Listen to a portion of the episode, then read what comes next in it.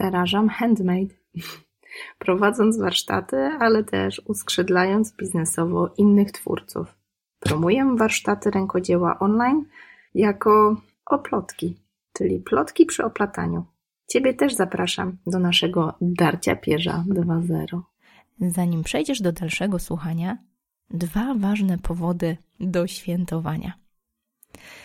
Z wielką przyjemnością odkryłyśmy, że w ostatnim wydaniu Forbes Women Polska oplotkowy podcast znalazł się w zestawieniu 30 wyróżnionych podcastów. Forbes Women Polska. Nie mogłyśmy uwierzyć. Wierzę, że to między innymi dzięki Tobie, dzięki temu, że słuchasz naszej audycji.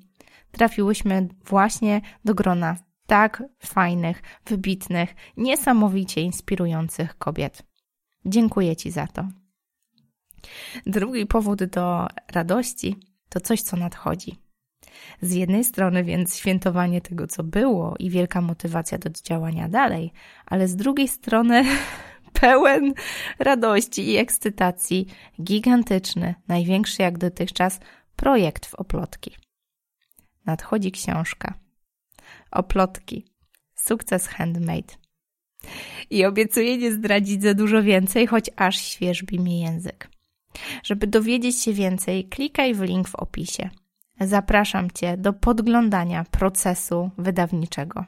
Lada chwila tą książkę będziesz mógł, mogła trzymać w dłoni. Ale nie ujrzy ona światła dzielnego, jeżeli nie włączysz się w projekt. Po raz pierwszy z pełną świadomością oddaję władzę Tobie. Tak, właśnie Tobie. Tekst właśnie trafił do recenzji, redakcji, czyli rozpoczął się długotrwały proces wydawniczy. Ale książka nie zostanie wydana, jeżeli wyraźnie nie powie nam o tym nasza społeczność, czyli właśnie Ty. Oddaję władzę Tobie. Jeżeli stwierdzisz, że chcesz ją przeczytać, to koniecznie klikaj w link w opisie, żeby zadbać, aby takiego egzemplarza dla Ciebie nie zabrakło. Mam nadzieję do usłyszenia już za tydzień. Jakie rękodzieło najlepiej się sprzedaje? Wraz z covidowym zamknięciem spędzamy długie godziny w domach.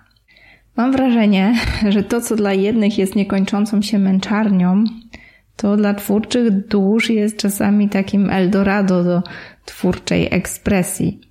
Mam wrażenie, że siedzimy w tych naszych dziuplach, otoczone zapasami przydasi, które kurier znosi nam cierpliwie do naszych domów, no i tworzymy na potęgę.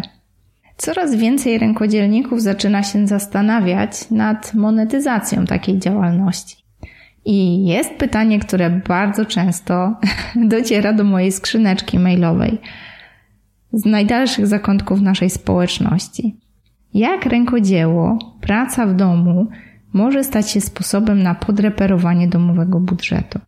Mam wrażenie, że zazwyczaj zaczynamy od pytania, jak sprzedawać rękodzieło. Oczywiście nie ma w tym nic złego, bo technologia przychodzi nam z pomocą. Jest Etsy, Pokamera, Shoplo, Shopper, coraz więcej gotowych rozwiązań, gdzie możemy z łatwością stawiać pierwsze e-commerce'owe kroki. Coraz większa łatwość pokonywania takiego technologicznego progu wejścia w postaci na przykład gotowych szablonów sklepów internetowych czy platform dedykowanych do sprzedaży rękodzieła – a nawet kursy, jak samodzielnie wyklikać taką stronę, na przykład z WooCommerce'owym sklepem na najzwyklejszym WordPressie. Mimo to jednak historii spektakularnych biznesowych happy endów no nie znajdziemy zbyt wiele. Zazwyczaj, jeżeli czytamy takie opowieści, to raczej są to długoletnie osobiste maratony do mety niż jakieś spektakularne sprinty. No gdzie więc w takim razie sprzedawać to rękodzieło? I tutaj mam wrażenie, że niestety nieodpowiednio zabieramy się do rozwiązywania tej zagadki. Moim skromnym zdaniem to pytanie wcale nie brzmi, gdzie sprzedawać rękodzieło, ale raczej jakie rękodzieło sprzedaje się najlepiej. I tu może Cię zaskoczę, ale hmm, nie ma jednej poprawnej odpowiedzi na to pytanie. albo raczej jest to tradycyjna, najbardziej znienawidzona i jednocześnie oklepana odpowiedź zagubionych biznesowo twórców, czyli to zależy. Spektakularne sukcesy różnych marek handmade pokazują jednak, że możemy się doszukać w tym pytaniu pewnej ukrytej odpowiedzi. Aby jeszcze bardziej ją wyeksponować, postaram się nieco zmienić brzmienie tej zagadki. Jakie rękodzieło najlepiej sprzedaje się Tobie? No właśnie. Okazuje się, że internet to królestwo niszy. Im bardziej oryginalny, niepowtarzalny pomysł, tym więcej klientów. I znowu pułapka. Dowodem na nieprawdziwość są setki, tysiące marek, które sprzedają, nie wiem, torebki, broszki, ręcznie wykonane wisiorki. Każda z nich, mimo licznej, teoretycznie, konkurencji, jednak kwitnie. Jak więc ty możesz przedrzeć się przez ten gąszcz konkurencji?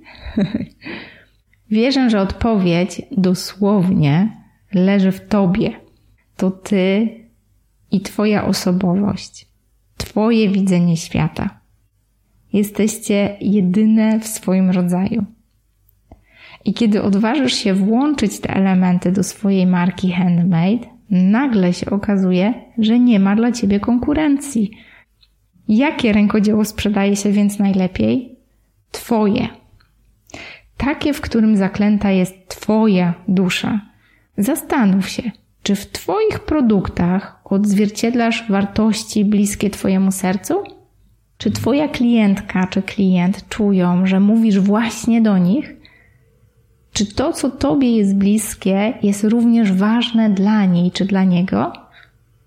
Jeżeli pozwolisz sobie na oderwanie się od zimnej kalkulacji pod tytułem materiał plus praca plus marża to równa się cena, i dodasz ten taki magiczny pierwiastek unikalnej dla ciebie kombinacji wartości, no to nie będzie dla ciebie konkurencji.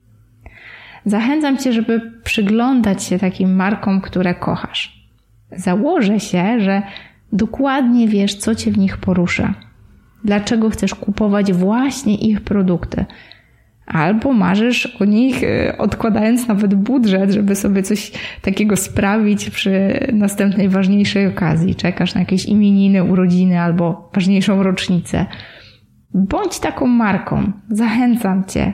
Bądź właśnie taką marką, na którą odkłada się długimi dniami, tygodniami albo może nawet latami.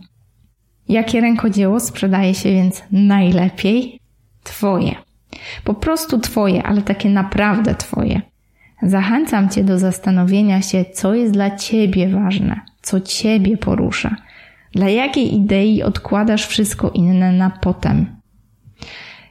Ja piszę o tym trochę więcej w mojej książce i też nie mogę już się doczekać, żeby Cię zaprosić do dyskusji na ten temat, ale wierzę, że ten króciuteńki, dosłownie kilkuminutowy odcinek pozostawi w Twojej głowie myśl. Na ile ty, próbując sprzedawać swoje rękodzieło albo mierząc się w ogóle z takim zamiarem, jesteś gotowa, czy jesteś gotowy podzielić się takimi najgłębszymi wartościami, które leżą na dnie Twojego serca z Twoimi klientami. Zapraszam Cię do dyskusji. Oczywiście gdzieś tutaj w opisie znajdziesz link do pogłębienia tej dyskusji na łamach książki, która jest właściwie tylko przyczynkiem do takiej dyskusji. Jeżeli Ty też zastanawiasz się, jak sprzedawać rękodzieło i jak sprawić, żeby one było takie naprawdę Twoje, to oczywiście zachęcam Cię do prześledzenia mojej osobistej historii, ale wierzę, że będzie ona dla Ciebie tylko narzędziem, żeby pogrzewać troszeczkę głębiej w swojej własnej historii. Może to pomoże Ci tworzyć Twoją historię marki. Bardzo serdecznie Cię zapraszam, a my słyszymy się już za tydzień. Do usłyszenia. A, no tak, chwila, chwila. Zanim skończysz słuchać, mam do Ciebie ogromną prośbę. Wiem, że Twój komentarz, Twoja opinia i Twoje dobre słowo, podanie tego podcastu dalej dla osoby, której może się przydać, jest przecenne. Więc jeżeli możesz poświęcić dosłownie minutę na to, żeby podzielić się informacją z jedną osobą, której ta treść może być przydatna, bardzo serdecznie Cię o to proszę. Jeżeli masz ochotę skontaktować się ze mną, pisz agnieszka małpa oplotki.pl, a jeżeli masz dosłownie ułamek chwili, podziel się tą informacją i puść ją dalej w świat. Wierzę, że dobro zawsze wraca. Warto się z nim dzielić.